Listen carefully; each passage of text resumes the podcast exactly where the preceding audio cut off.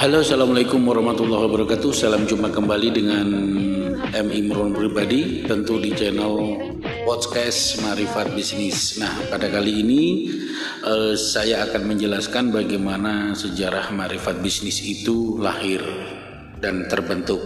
Ini akan menjadi beberapa episode-episode berikutnya. Akan menjadi sebuah cerita uh, tentang sebuah historis ya. Uh, ki sukses atau menjadi ki sukses ya. Kayak iya Jawa begitu ya. Jadi akan menjadi semacam cerita begitu. Untuk memulai sebuah gerakan bisnis. Nah jangan lupa ikuti terus uh, podcast Marifat Bisnis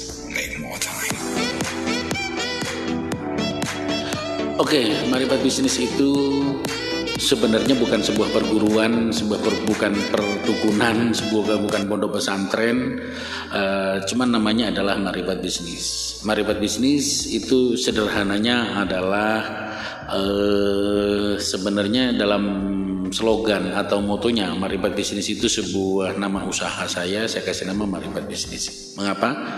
Sebenarnya sepilih sekali. Maribat Bisnis itu saya artikan begini sebagai dalam secara ya secara pendek secara arti harfiahnya itu maribat bisnis bagaimana ketika berbisnis kita itu ingat Allah nah ini memaknai singkat seperti itu. Secara terminologi, jadi marifat bisnis itu adalah sebuah strategi dagang yang bagaimana strategi dagang ini akan membawa manfaat bagi saya, bagi keluarga, bagi lingkungan, bagi bagi karyawan, bagi sahabat, bagi mitra, juga bagi Indonesia. Jadi bagaimana marifat bisnis itu akan menjadi sebuah konsep berbisnis yang dengan filosofinya adalah amaribat bisnis itu bagaimana berbisnis selalu mengingat Allah sebagai Tuhan, sebagai eksistensi, sebagai al-iman. Nah, di sini menempatkannya tidak begitu mudah, uh, tapi pada hakikatnya sangat mudah sebenarnya. Jadi maribat bisnis itu menurut saya adalah sebuah perilaku, sebuah habit ya. Bagaimana ketika kita berbisnis itu tangan-tangan, raga, mulut itu bekerja tetapi pikiran kita sambil berpikir. Jadi ketika bekerja itu harus berpikir. Ketika tangan, tangan, mata, kaki ini bekerja, pikiran harus berpikir dan ditambah hati selalu berzikir kepada Allah Subhanahu wa taala. Nah, inilah marifat bisnis dalam slogannya dalam memahami sebuah bisnis itu seperti itu. Sehingga bisnis ini akan menjadi jalan menuju berjumpa dengan Allah. Nah, kira-kira begitu gambarannya. Oke, okay.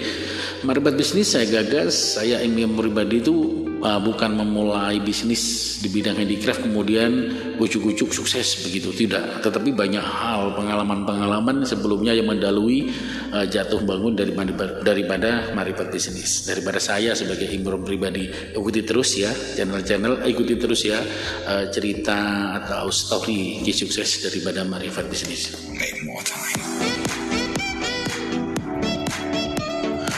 Nah, marifat bisnis itu sebelumnya saya adalah sebagai karyawan ya. Saya dulu uh, setelah lulus dari jurusan Fakultas Hukum Universitas Muhammadiyah Jember alumni tahun 92 alumni tahun 92 jurusan Fakultas Hukum di Universitas Muhammadiyah Jember nah, sejak lulus seperti biasa saya lulus melamar banyak ya walaupun IP saya itu empat ya. Jadi ngelamar ke sana kemari ditolak juga cari pekerjaan. Di tahun 92 itu juga susah tidak mudah. Ya maaf dalam tanda kutip kalau tidak nyogok itu nggak susah menjadi pegawai negeri. Dan sementara saya itu anti suap anti nyogok. Karena berpikirannya begini mohon maaf ini prinsip saya. Kalau saya nyuap berarti jabatan saya selama itu haram. Jabatan saya gaji saya selama itu haram karena hasil daripada menyuap ini konsep saya. Sehingga saya melamar ke sana kemari nggak masuk. Nah itu berarti takdir saya bukan di sana. Tapi ada juga sih zaman segitu yang lolos diterima dengan murni banyak lah banyak. Tapi mayoritas saat itu bayar les nyuap. Nah oke okay, saya tidak cerita itu. Kemudian saya masuk di beberapa perusahaan ya. Masuk di beberapa perusahaan melamar itu banyak ditolak banyak ini dan itu dan akhirnya saya pertama kali bekerja itu di PT Columbia Perdana.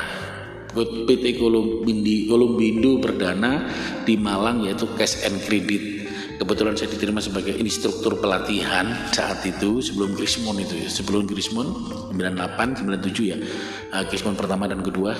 Uh, saya bekerja sebagai instruktur gaji lumayan saat itu.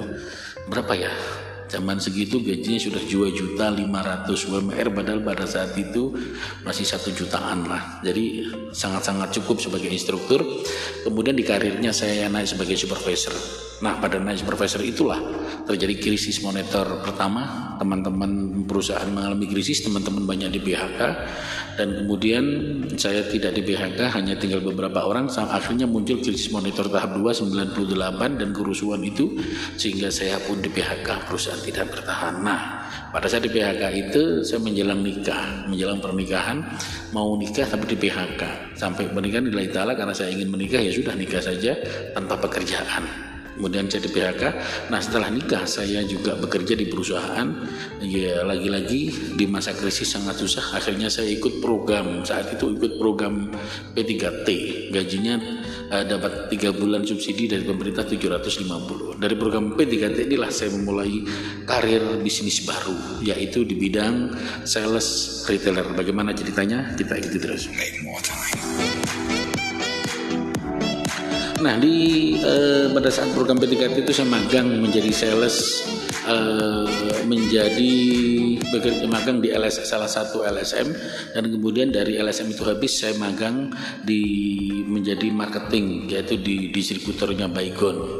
UD Sinar Rezeki saya magang di sana sebagai uh, retailer motoris sales motoris freelance itu sales Baygon. Nah dari sinilah karir saya berkembang saya menekuni uh, pertama menekuni di bidang marketing ini dan selanjutnya ya dengan berdarah-darah berjuang ya kemudian saya sukses di sini.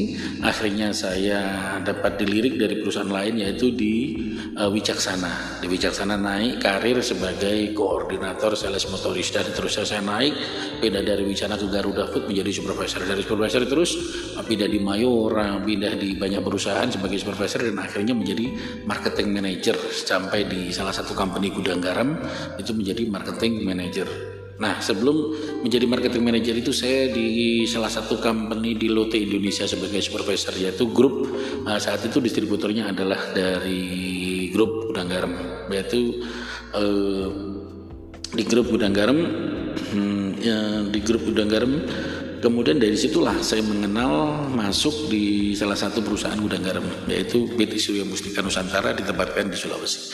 Kemudian saya bekerja di sana dan kemudian hingga saya ke beberapa keliling ke Indonesia ya, nah, dari di Aceh, di Sumatera sampai di Bali dan seterusnya ya keliling dengan posisi marketing manager. Kemudian karena saya capek menginjak umur 30 40 ya, menginjak umur 30-an, saya ber, berpikir bisnis bagaimana agar saya memiliki bisnis.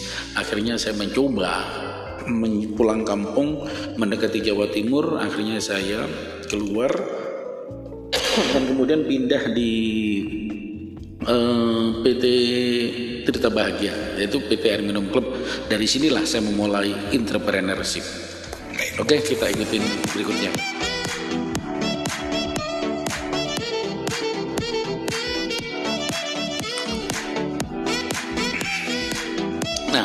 ketika saya berkarir di juga sebagai marketing manager ya di PT Tirta Bahagia Air Minum Club itu saya hampir berapa tahun lima tahun ya kemudian di akhir di umur-umur 32 33 saya mulai berpikir bagaimana saya memiliki sebuah konsep bisnis? Bagaimana? Uh, maaf maaf sebagai karyawan ini kan nggak bisa diwariskan. Kalau saya sudah nggak istilahnya itu nggak produktivitas nggak produktif saya bisa dipecat kapan pun. Nah di sini mengganggu pemikiran saya. Maka saya mulai berpikir entrepreneur. Entrepreneur inilah saya mencoba dari berbagai macam mulai menjadi grosir mie, grosir garam, uh, bikin ternak budidaya dan seterusnya mengalami kegagalan-kegagalan yang luar biasa sehingga kembali ke perusahaan ke perusahaan lagi. Nah, sekitar tahun 2000-an atau pada tahun 2000-an saya memulai berkembanglah mulai entrepreneur di bidang handicraft. Saya coba saat itu ya iseng-iseng aja karena sudah coba berbagai macam kerajinan berbagai macam usaha walaupun saya sebagai marketing manager ketika itu sebagai brand was marketing tapi belum belum saat itu belum ada digital ya nah, saya mencoba pada tahun 2000-an itu mencoba iseng-iseng memasarkan namanya produk yaitu produk kerajinan uh, handicraft. Dengan iseng-iseng saya posting saat itu di saat itu masih di Friendster ya, saat itu masih di Friendster dan kemudian beberapa tahun kemudian uh, muncullah Facebook. Nah, akan saya tingkatkan di Facebook. Di situlah saya posting iseng-iseng ternyata produk itu jalan laku keras dan dibeli orang asing itu Malaysia ya. Nah di sinilah saya memulai mencoba, mencoba memasarkan produk-produk handicraft. Uh, saya menguasai mencoba marketingnya dengan baik. Karena konsep saya, konsep saya adalah saya tidak akan memproduksi sebuah produk kalau saya belum, menguasai pasar. Jadi pasar harus digenggaman tangan baru saya memproduksi. Nah, terus ikutin tip podcast daripada Marifat Bisnis ini.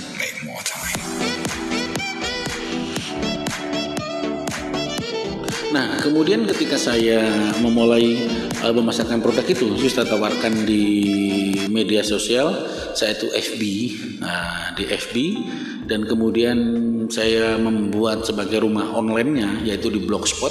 Saat itu namanya www Marifat Bisnis Blogspot. Nah, di sinilah kata Marifat Bisnis itu saya mulai berpikir bagaimana agar bisnis saya bermanfaat dunia dan akhirat.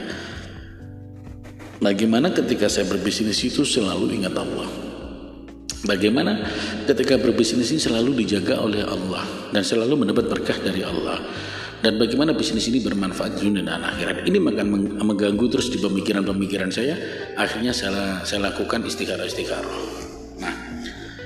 Alhamdulillah pada karena saya melakukan sambil melakukan transaksi jualan online sambil mencoba berpikir berzikir terus saya mendapatkan nama yang baik uh, akhirnya pada suatu saat saya dari istighfar itu mendapat mendapat bisikan. Ketika saya berzikir melakukan uh, sambil berjualan melalui di media medsos saat itu sama posting di blog saya mendapatkan nama terlintaslah marifat bisnis karena di situ saya, melatih saya berzikir sehingga ketemulah konsep marifat bisnis. Jadi marifat bisnis saya temukan di antara selah-selah saya bekerja sambil uh, tangan bekerja, hati berpikir, hati berzikir, hati berzikir, mata pikiran berpikir. Jadi tangan bekerja, mulut bekerja, kaki bekerja, pikiran berpikir, hati berzikir. Inilah konsep dasar daripada marifat bisnis. Nah, dari konsep marifat bisnis ini di awal memang saya memulai dari handicraft, saya mengembangkan marketing melalui blog, kemudian berkembang terus, berkembang terus, sampailah Desa Tutul ini menjadi terkenal, menjadi viral, karena produk-produknya saya blow up secara nasional dan internasional di berbagai macam media blogspot. Saat itu di, saya menggunakan blogspot, saat itu belum ada e-commerce sih, belum ada e-commerce. E-commerce baru muncul 2009 itu. Nah, kemudian saya bertransaksi di internasional, melakukan ekspor, wah keuntungannya luar biasa ketika itu. Modal yang saya, saya siapkan hanya 500 ribu rupiah uang belanja istri ya uang belanja dan kemudian 500 ribu itu saya kembangin hingga akhirnya saya membutuhkan modal. Ketika itu saya punya motor saya kasih di BPR dapat suntikan dana 2 juta atau berapa dan seterusnya.